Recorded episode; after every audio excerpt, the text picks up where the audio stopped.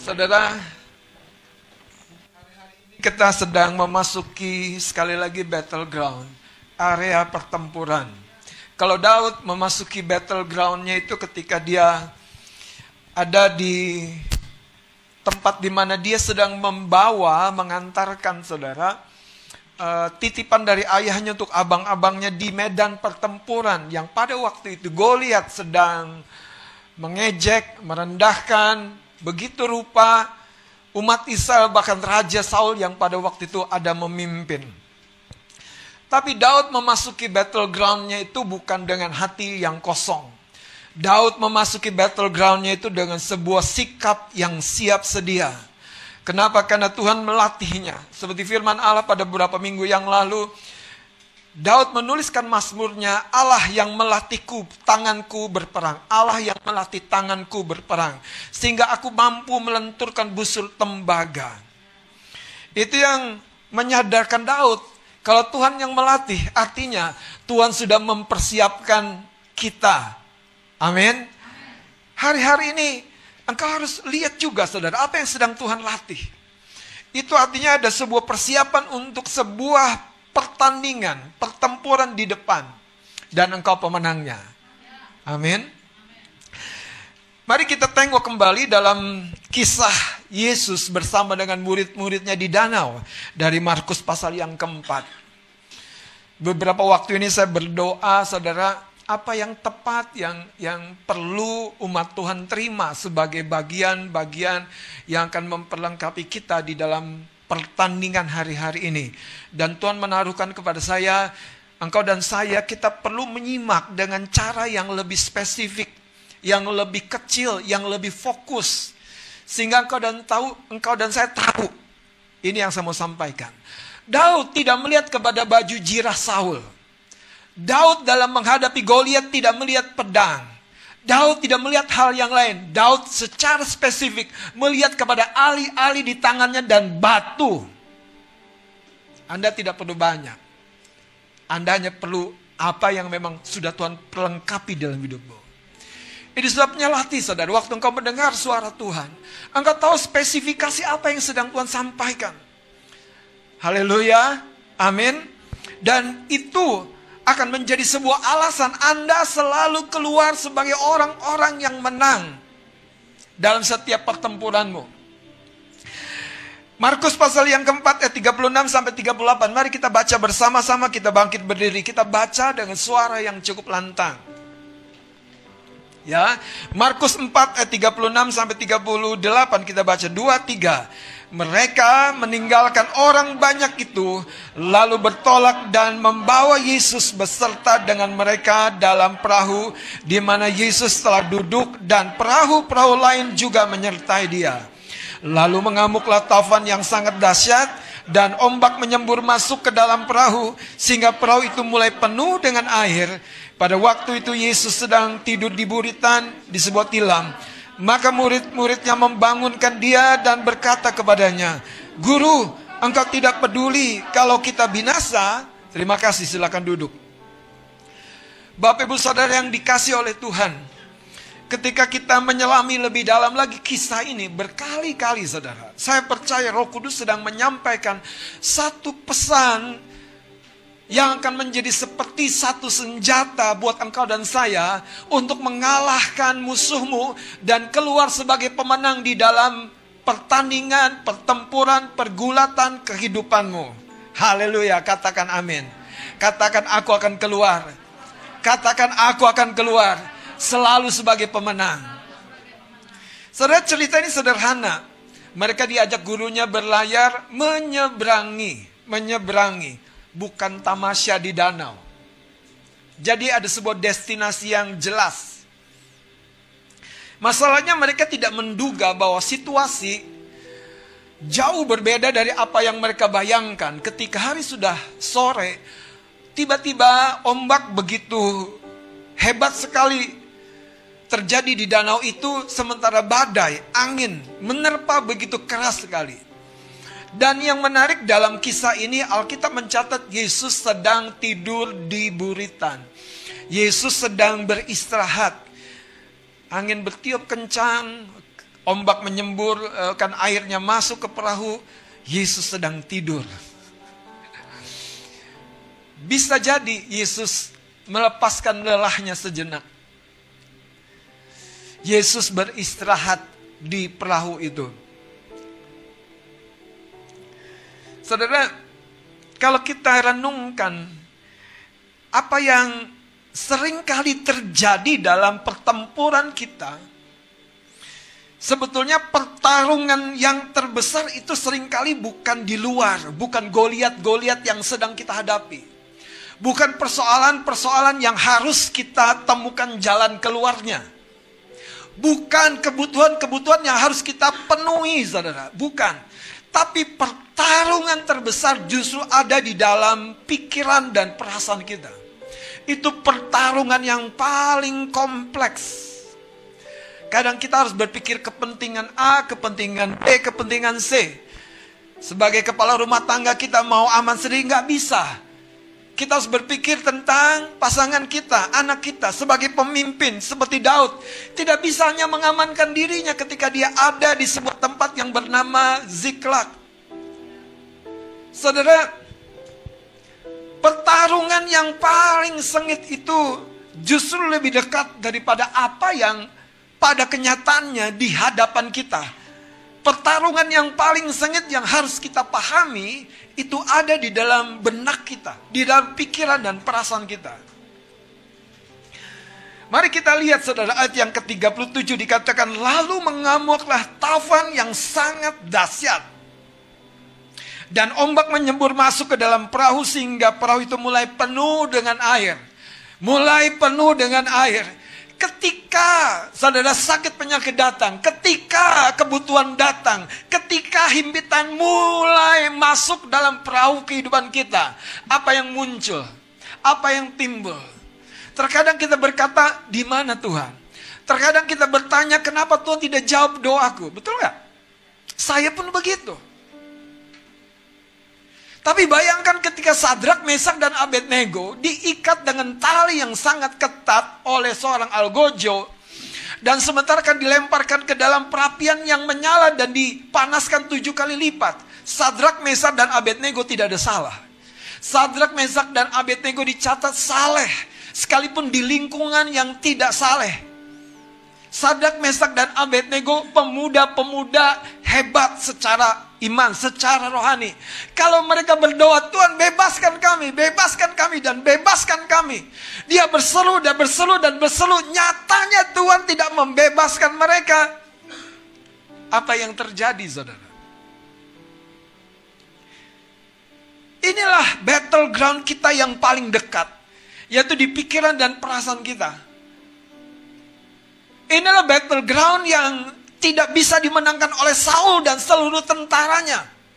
Tetapi Daud telah memenangkan sebelum masuk ke gelanggang pertempuran dengan Goliat. Daud telah memenangkan battleground di dalam dirinya sendiri. Di dalam pikiran dan perasaannya sendiri. Kalau Anda tiba-tiba dinaikkan posisimu dari seorang staf biasa jadi seorang leader. Leader, top leader. Anda akan mengalami apa? Nervous itu battleground tersendiri, saudara. Kenapa? Karena Anda akan lihat, aku jadi pemimpin, aku jadi panutan, aku jadi jadi uh, sorotan banyak orang, dan tiba-tiba ada lumpuh. Seperti Saul lumpuh. Gak bisa apa-apa. Tapi Daud aneh sekali.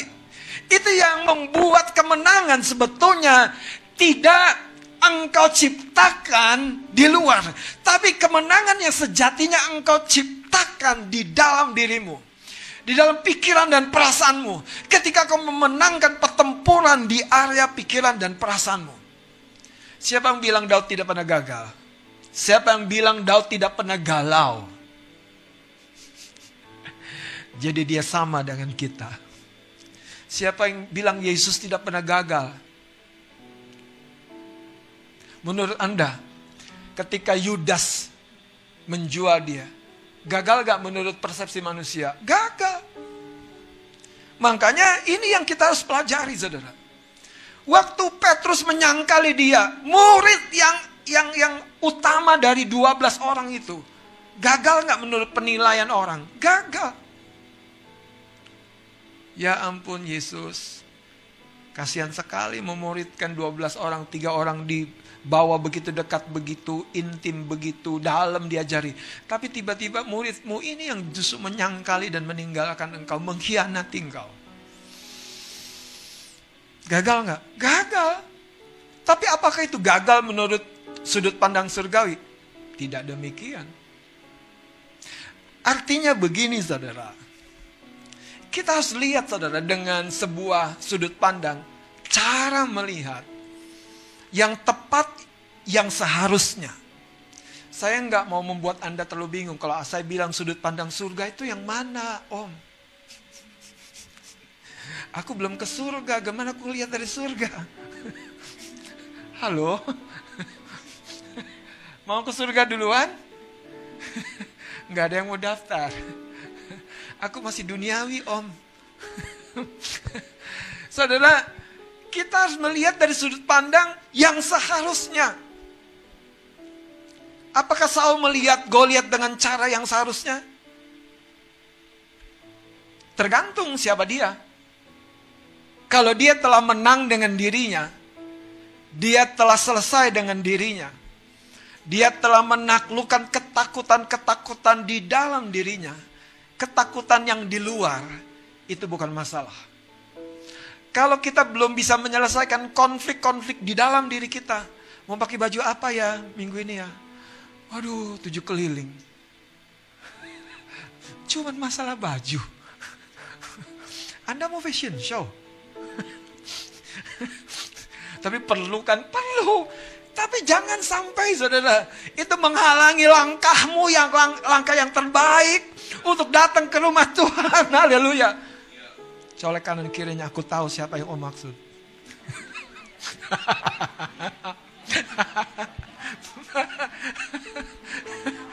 Haleluya.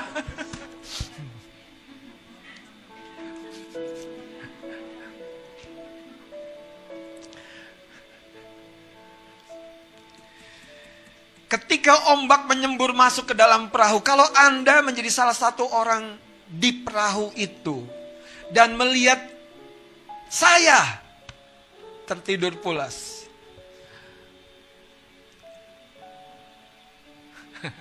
Gimana kak? Ada battlegroundnya sendiri kakak. Dan melihat abang tertidur pulas. Wah, Pak Gembala tidak peduli. Bukan, bukan. Lihat sebuah cerita yang lain. Supaya Anda disadarkan peperangan, pertarungan yang pertama-tama Anda harus menangkan sebelum Anda melangkah keluar dari rumah. Itu adalah peperangan, pertarungan di pikiran dan perasaanmu sendiri. Kalau Anda melangkah keluar dan menghadapi pertarungan di kantor, di pekerjaan, ketemu klien, ketemu banyak orang, Gimana Anda bisa memenangkan pertarungan itu sementara di dalam diri Anda ada semua konflik yang siap tertumpah keluar tanpa Anda sadari. Anda kehilangan damai sejahtera, Anda kehilangan kesabaran, Anda kehilangan penerimaan. Uh, kalau gue bukan pendeta, coba kira-kira.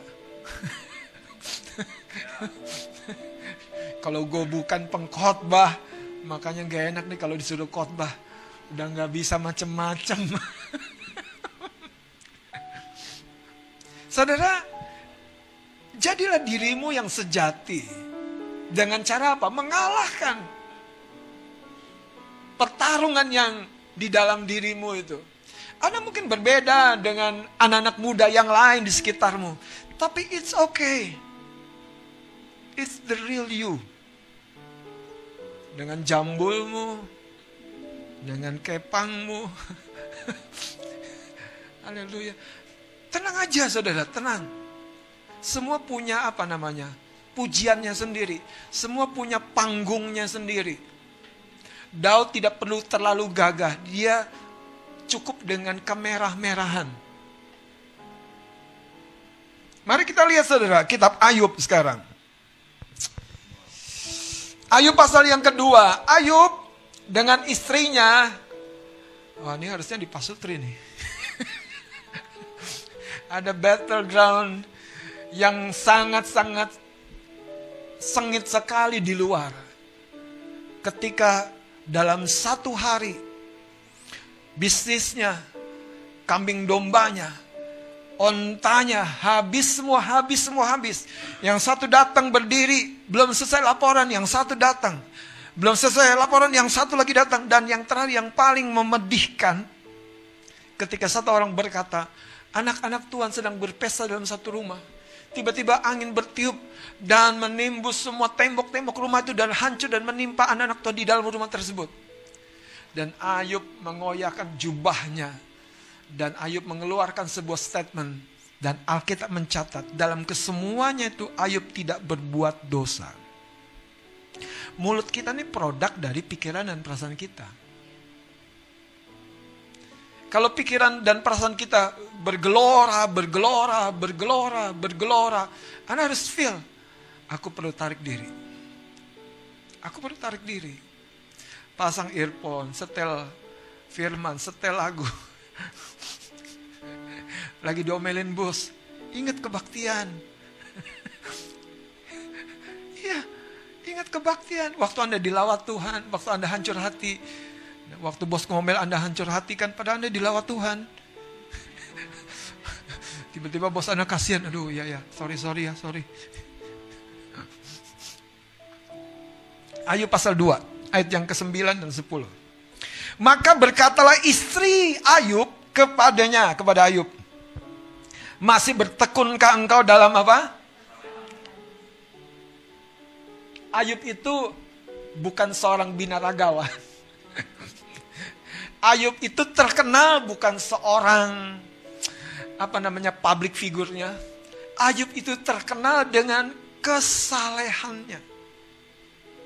Salah satu ciri kesalehannya adalah Ayub menghindari kata-kata yang boros. Karena ada ayatnya. Kalau banyak perkataanmu hati-hati. Sering banyak salah di situ. Haleluya. Dan pancingannya datang dari orang yang paling dekat di hatinya. Orang yang paling tahu siapa dirinya. Orang yang jadi teman pertandingannya. Istrinya berkata, masih bertekunkah? Jadi apa? Istrinya mulai punya sebuah cara melihat dan penerimaan yang beda. Semua masalah ini datang dari Tuhan. Kenapa masih kebaktian? Kenapa masih doa pagi? Kenapa masih membawa korban yang terbaik kepada Tuhan? Saudara, istri Ayub sudah pada sampai pada dasar kehidupannya yang sebetulnya rapuh. Yang di luar itu akan menggoyang yang di dalam. Dasar kehidupan istrinya Ayub rapuh. Karena itu dibangun dari fakta-fakta lahiriah. Tapi Ayub tidak demikian. Ayub membangun dirinya dari prinsip-prinsip firman. Allah baik selama-lamanya baik dan selalu baik. Mau setan bisikin, mana buktinya Tuhan baik? Lihat kau doa nggak sembuh-sembuh. Tuhanku baik selama-lamanya baik. Anda tahu? Itu bedanya saudara. Orang yang dibangun dengan prinsip-prinsip, dibangun dengan nilai-nilai, dengan orang yang dibangun oleh hal-hal yang sebatas lahiriah. Ayat sepuluhnya. Tetapi jawab Ayub kepadanya, engkau berbicara seperti perempuan gila. Enggak dibilang gila sih, engkau seperti. Masih agak halus. Masih agak halus ya. Engkau berbicara seperti perempuan gila. Kalau saya tambahin, yang di luar sana. Terus dikatakan, apakah kita mau menerima yang baik dari Allah tetapi tidak mau menerima yang buruk? Dengan perkataan-perkataan itu, dengan respon itu, lihat, dalam semuanya itu Ayub tidak berbuat dosa dengan bibirnya. Jadi yang dicobai itu saudara tumpahan dari mulut kita. Gini masalahnya. Tumpahan dari mulut kita itu bukan hanya omelan, bukan hanya persungutan. Tumpahan dari mulut kita itu salah satu yang kita harus jaga doa. Kalau tumpahan dari mulutmu yaitu doa, kadarnya saudara, kadarnya.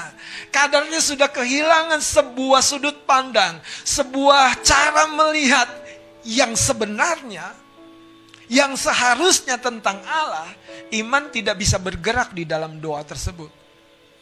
Iman tidak bisa menyentuh tahta Allah.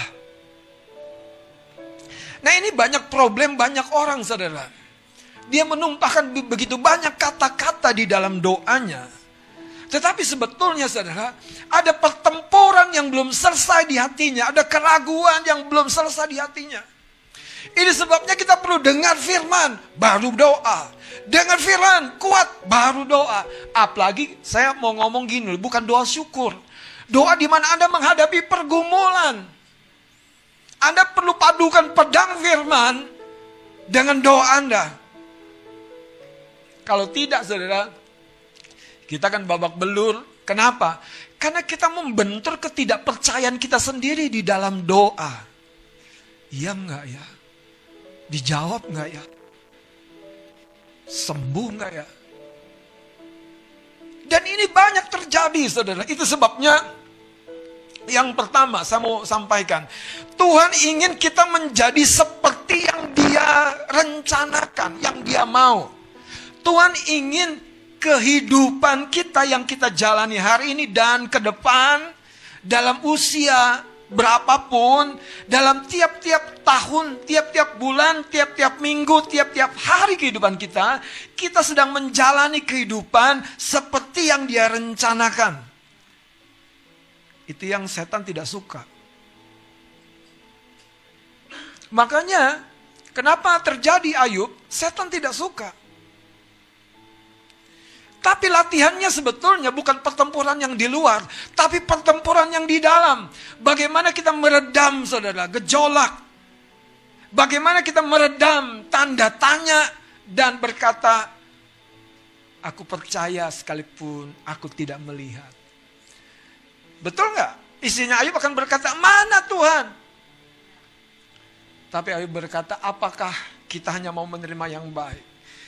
Saudara, saya berdoa pada minggu yang lalu kita sudah belajar bagaimana Daud bisa jadi kuat dalam pertempurannya. Salah satunya yang pertama, beri makan jiwamu.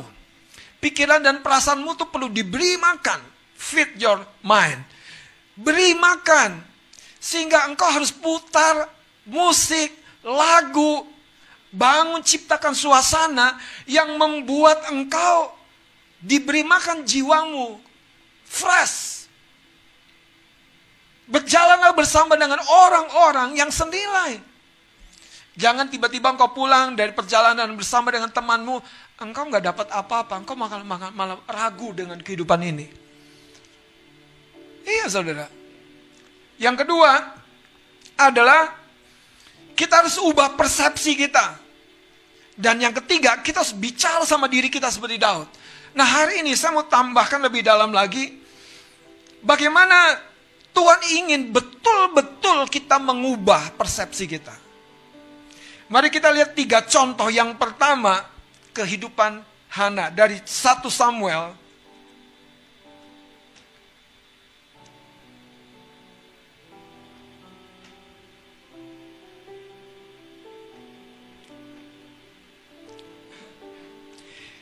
Pasal yang pertama,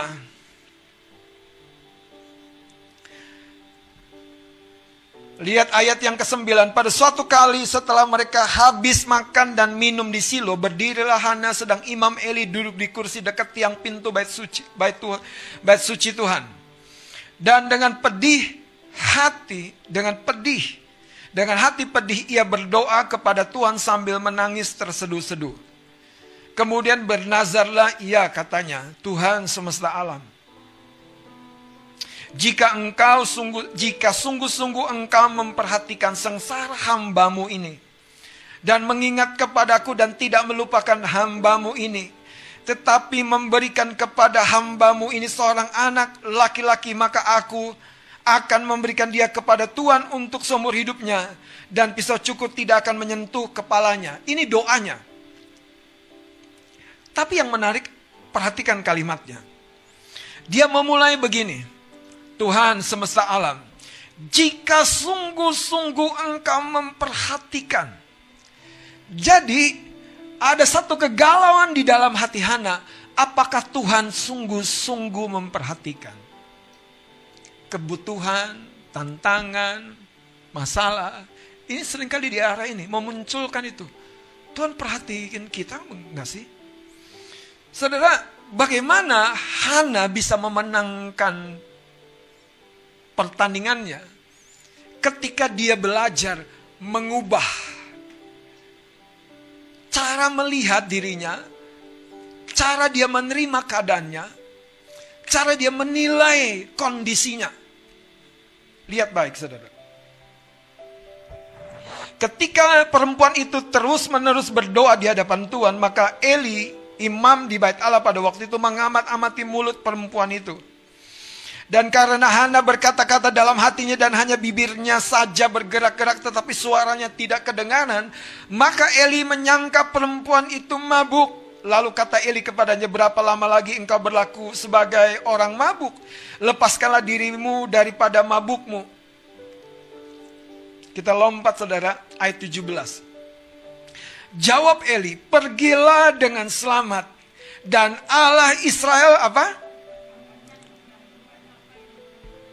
Saudara kalau kalau Anda di kondisinya Hana, mungkin Anda butuh suara malaikat. Bukan suara manusia. Bukan suara pemimpin Anda. Karena sering kita begitu tuh. Kita butuh mimpi.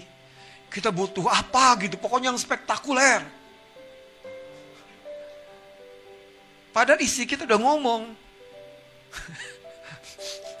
Pada suami kita udah ngomong. Pada anak kita udah ngingatkin. Tapi kita ndak aware. Nah yang menarik yang saya mau tunjukkan, Hana itu beda. Anda bandingkan sedikit dengan kisah Gideon.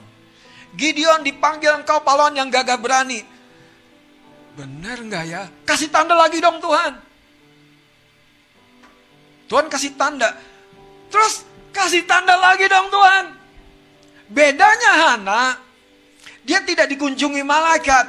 Situasinya lahiriah sekali. Nangis terseduh-seduh. Di bait Allah. Bergumul sendirian. Ketika orang sudah pesta-pesta di luar. Dan dengerin saya. Dengan penangkapan yang benar. Tidak ada pujian penyembahan. Tidak ada hadirat Tuhan sekalipun dia ada tidak ada lawatan Tuhan terjadi. Tidak ada nabi Tuhan datang. Yang saya mau tonjolkan adalah battleground yang pertama tuh di sini. Hana memenangkan pertempuran yang namanya rasa ditinggalkan, rasa tidak diingat. Makanya ketika Imam Eli berkata begini, pergilah dengan selamat dan Allah Israel akan memberikan kepadamu apa yang kau minta daripadanya. Ayat 18. Sesudah itu berkatalah perempuan itu, biarlah hambamu ini mendapat belas kasihan daripadamu. Lalu keluarlah perempuan itu, ia mau makan dan mukanya tidak muram lagi. Artinya apa? Dia terima itu sebagai sebuah perkataan final. Wow. Kalau Anda sudah sekian tahun nggak lihat sesuatu yang Anda minta, minta, minta, minta, minta. Gimana ya Hana bisa begitu gampangnya? Menangkap perkataan Imam Eli itu sebagai pegangan. Sebagai satu pegangan yang memberhentikan semua pergulatan di pikirannya. Hana pulang, Hana suka cita, dan orang yang bersuka cita diberkati katakan amin. Kalau Anda baca, sekali lagi kalau saya khotbah di Pasutri, begini bayangan saya. Dengan joynya yang di dalam meluap keluar setelah dia menangkap perkataan Imam Eli, Hana itu melepaskan enzim-enzim dan hormon-hormon yang selama ini tertutup di dalam dirinya, saudara. Dan tiba-tiba dia menjadi begitu menarik sekali bagi suaminya, saudara. Dan kasih yang Tuhan taruhkan dalam rumah tangga itu berbuah begitu ajaib. Ketika Hana menerima. Hana mengubah persepsinya. Hana mengubah cara dia menerima, melihat dirinya, melihat Tuhannya. Sebelumnya dia merasa, di mana Tuhan? Apakah Tuhan mengingat aku? Tapi ketika Imam Eli berkata begitu, itu menyelesaikan hari ini kalau Anda terima nubuat. Apakah itu menjadi pegangan? Sekalipun Anda masih menempuh danau itu. Pegang saudara. Anda harus menang di dalam dirimu dulu. Menang. Ini yang terjadi dengan Hana. Ayat 19 mari kita baca bersama. Ayat 19 kita baca bersama dengan cepat. Dua, tiga. Keesokan harinya bangunlah mereka itu pagi-pagi. Lalu sujud menyembah di hadapan Tuhan. Kemudian pulanglah mereka ke rumahnya ke Ramah Ketika Elkana bersetubuh dengan Hana istrinya, Tuhan, pergumulannya apa? Apakah engkau benar-benar mengingat? Hari ini kalau Anda punya rasa ditinggalkan, dilupakan oleh seseorang, oleh pemimpin, oleh sahabat baik, sembuhlah. Anda berharga, Anda dicintai, Anda dikasih, Anda diingat. Sembuhlah saudara. Karena Anda istimewa. Banyak orang membiarkan dirinya larut dalam gelora gelombang dunia ini karena dia merasa tidak diingat Tuhan. Ya udah Tuhan gak peduli ngapain aku jaga hidupku. Enggak, berhentilah demikian. Taulah bahwa engkau berharga, engkau dicintai. Saudara, ini battleground di dalam pikiran dan perasaan yang pertama yang kita harus menangkan. Hana menang melawan pikiran-pikiran negatifnya. Hana menang dan dia tahu seumur hidupnya Tuhan yang tidak kelihatan selalu melihat. Tuhan yang tidak kedengaran suaranya selalu berbicara. Hari ini jangan kita merasa ditinggalkan. Jangan kita merasa dilupakan. Sembuhlah. Kalau di dalammu teduh, gelora ombak di luar itu tidak bisa menggalaukanmu. Tidak bisa. Engkau akan mengeluarkan seperti Yesus mengeluarkan damai sejatuh. Diam, tenanglah. Mengalir keluar. Yang kedua saudara, mari kita lihat cerita Petrus. Dari Lukas pasal 5 ayat yang ke-8. Kita akan baca bersama-sama dengan cepat. Lukas 5 ayat yang ke-8. 2, 3. Ketika Simon Petrus melihat hal itu, ia pun tersungkur di depan Yesus dan berkata, Tuhan, pergilah daripadaku. Wow, Anda tahu sekarang kan? Betapa melonya si Petrus itu. Coba baca lagi cerita ini loh. Jadi Anda jangan lihat sepotong kehidupan Petrus ketika dipakai Tuhan ngalamin mujizat. Petrus itu murid yang galau karena kegagalan, kegagalan dan bahkan dosanya. Cuman bedanya Petrus itu dia nggak peduli orang tahu dia udah salah. Pokoknya dia kasih tahu sama Tuhan, Tuhan pergi, aku orang yang berdosa. Tapi itulah Tuhan kita, dia menerima seada-adanya. Muridnya itu. Petrus berkata begini, Tuhan, pergilah daripadaku karena aku ini seorang berdosa. Di danau itu ketika kali pertama Yesus memilih Petrus. Siapa bilang Tuhan memilih kita karena kita saleh, layak, kudus, benar, saleh. Hmm. Jago melayani, memuji menyembahnya luar biasa. Siapa yang kita berjanda yang terus dibentuk, katakan amin. Sehingga engkau aman kalau dikoreksi. Orang yang gak aman kalau dikoreksi itu mereka yang menganggap dirinya itu sudah bagus, sudah sempurna. Itu Ayub. Sampai pasal 42, Ayub berkata, "Sorry Tuhan, aku kenal aku kenal engkau dari perkataan banyak orang. Aku mencabut perkataanku." Di situ Ayub apa? Bersedia dikoreksi oleh Tuhan. Haleluya. Apa yang terjadi dengan Petrus kemudian itu yang amazing menurut saya. Dia berhasil, saudara. Dia berhasil keluar dari perasaan tidak pantas. Dia berhasil keluar dari perasaan tidak layak. Ingat, ketika orang lumpuh dibangkitkan, Apakah kami melakukan ini menurut kesalahan kami sendiri? Itu yang menjadi pegangan Petrus. Kuasa ini bekerja. Mujizat ini terjadi. Bukan karena kesalehanku. Ya, itu semua kasih karunia. Amin. Ini sebabnya semua kebaikan, semua berkat, semua apa yang Tuhan lakukan dalam hidupnya. Kita bukan karena kebaikan kita. Tuhan dalam kemurahannya, dia akan terus membangun, mengangkat, memberkati engkau. Saudara, apa yang kita hari ini lakukan? Apakah kita masih dibuntuti perasaan tidak layak, perasaan tidak pantas? Saudara itu bayang-bayang. Rasul Paulus berkata, berlari, lupakan yang terlalu, mengarah ke tujuan, dan berlari-lari, berlari-lari. Kalau Anda berlari, Anda sulit dikejar. Makanya orang yang santai-santai dia akan mulai, aduh ketarik lagi om.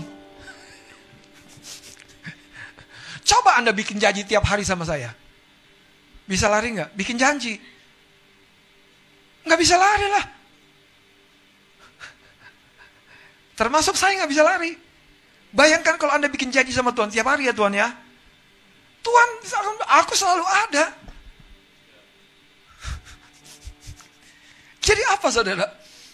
Betapa luar biasanya Tuhan kita itu saudara. Dia selalu siap sedia. Petrus ketika pertama kali jumpa dengan Yesus, dia galau dengan semua kehidupan lamanya. Hari ini, marilah menang. Battleground kita yang paling sengit itu di pikiran dan perasaan kita. Berapa banyak orang mau mendoakan orang, dia merasa belum layak. Mau menyembah, dia merasa belum layak.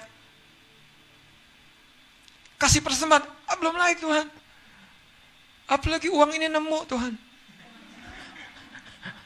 Emang masalahnya di mana sih? Kecuali nemunya di dompet orang. Haleluya. Yang ketiga, saudara. Yang pertama, menanglah dari perasaan ditinggalkan.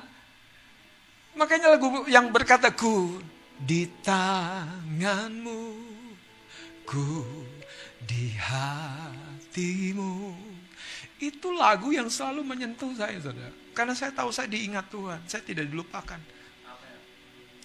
Lihat, yang ketiga saudara, cerita perempuan kanan yang percaya. Matius pasal 15 ayat 26, 27. Wah luar biasa nih. Haleluya. Mari kita bangkit berdiri exercising dulu. Exercise. Latihan.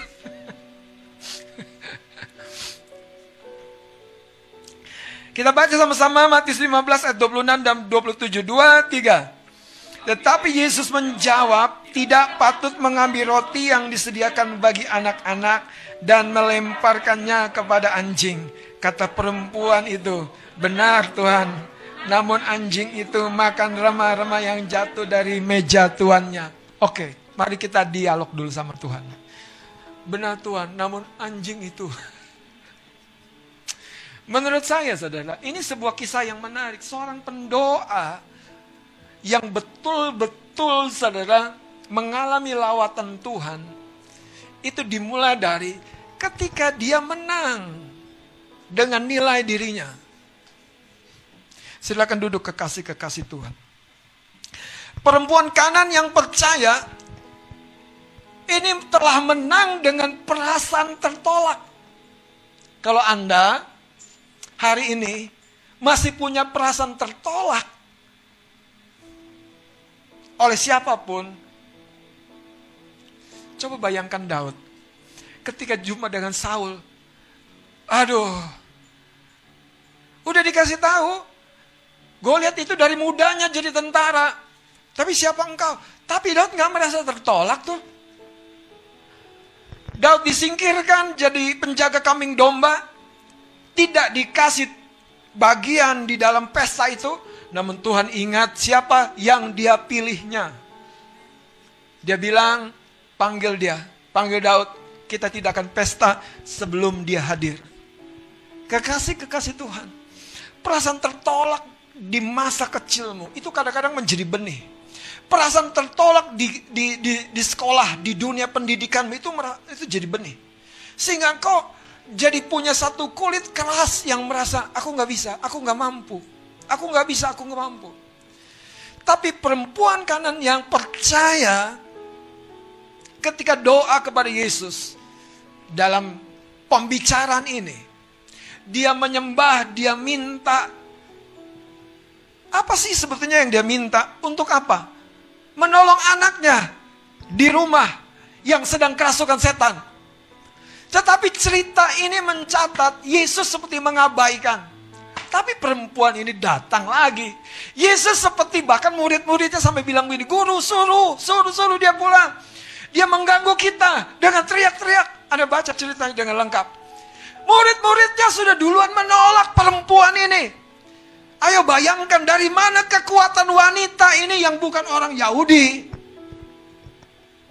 Yang bukan orang Yahudi dalam cerita ini artinya apa? Ini perempuan dalam dalam dalam konteks budaya Yahudi, orang kafir. Maka Yesus berkata, tidak layak mengambil roti yang harus diberikan kepada anak-anak yaitu bangsa Yahudi dan melemparkan kepada anjing. Tetapi wanita ini tidak lagi memiliki perasaan tertolak. Ini yang saya mau sampaikan saudara. Ketika kita menang dengan diri kita. Anda jadi orang yang tidak terkalahkan lagi. Ya, Menanglah dari perasaan dilupakan. Hana telah menang. Menanglah dari perasaan saudara tidak pantas, tidak layak. Seperti Petrus telah dipakai Tuhan. Dan menanglah dari perasaan di mana Anda tidak berarti. Anjing dibandingkan dengan anak. Tapi sang anjing itu begitu cerdik. Dia hanya berkata, aku hanya butuh remah-remah dan ketika Yesus mendengar itu, besar sekali imanmu. Iman tidak diproduksi dari hati yang terluka. Iman diproduksi dari hati yang sembuh. Perempuan kanan yang percaya ini hatinya sembuh. Itu sebabnya doanya lagi dan lagi, lagi dan lagi, lagi dan lagi. Doa yang seperti ini yang mengguncang surga. Menurunkan api lawatan Tuhan bagi kehidupanmu. Amin. Mari kita bangkit berdiri.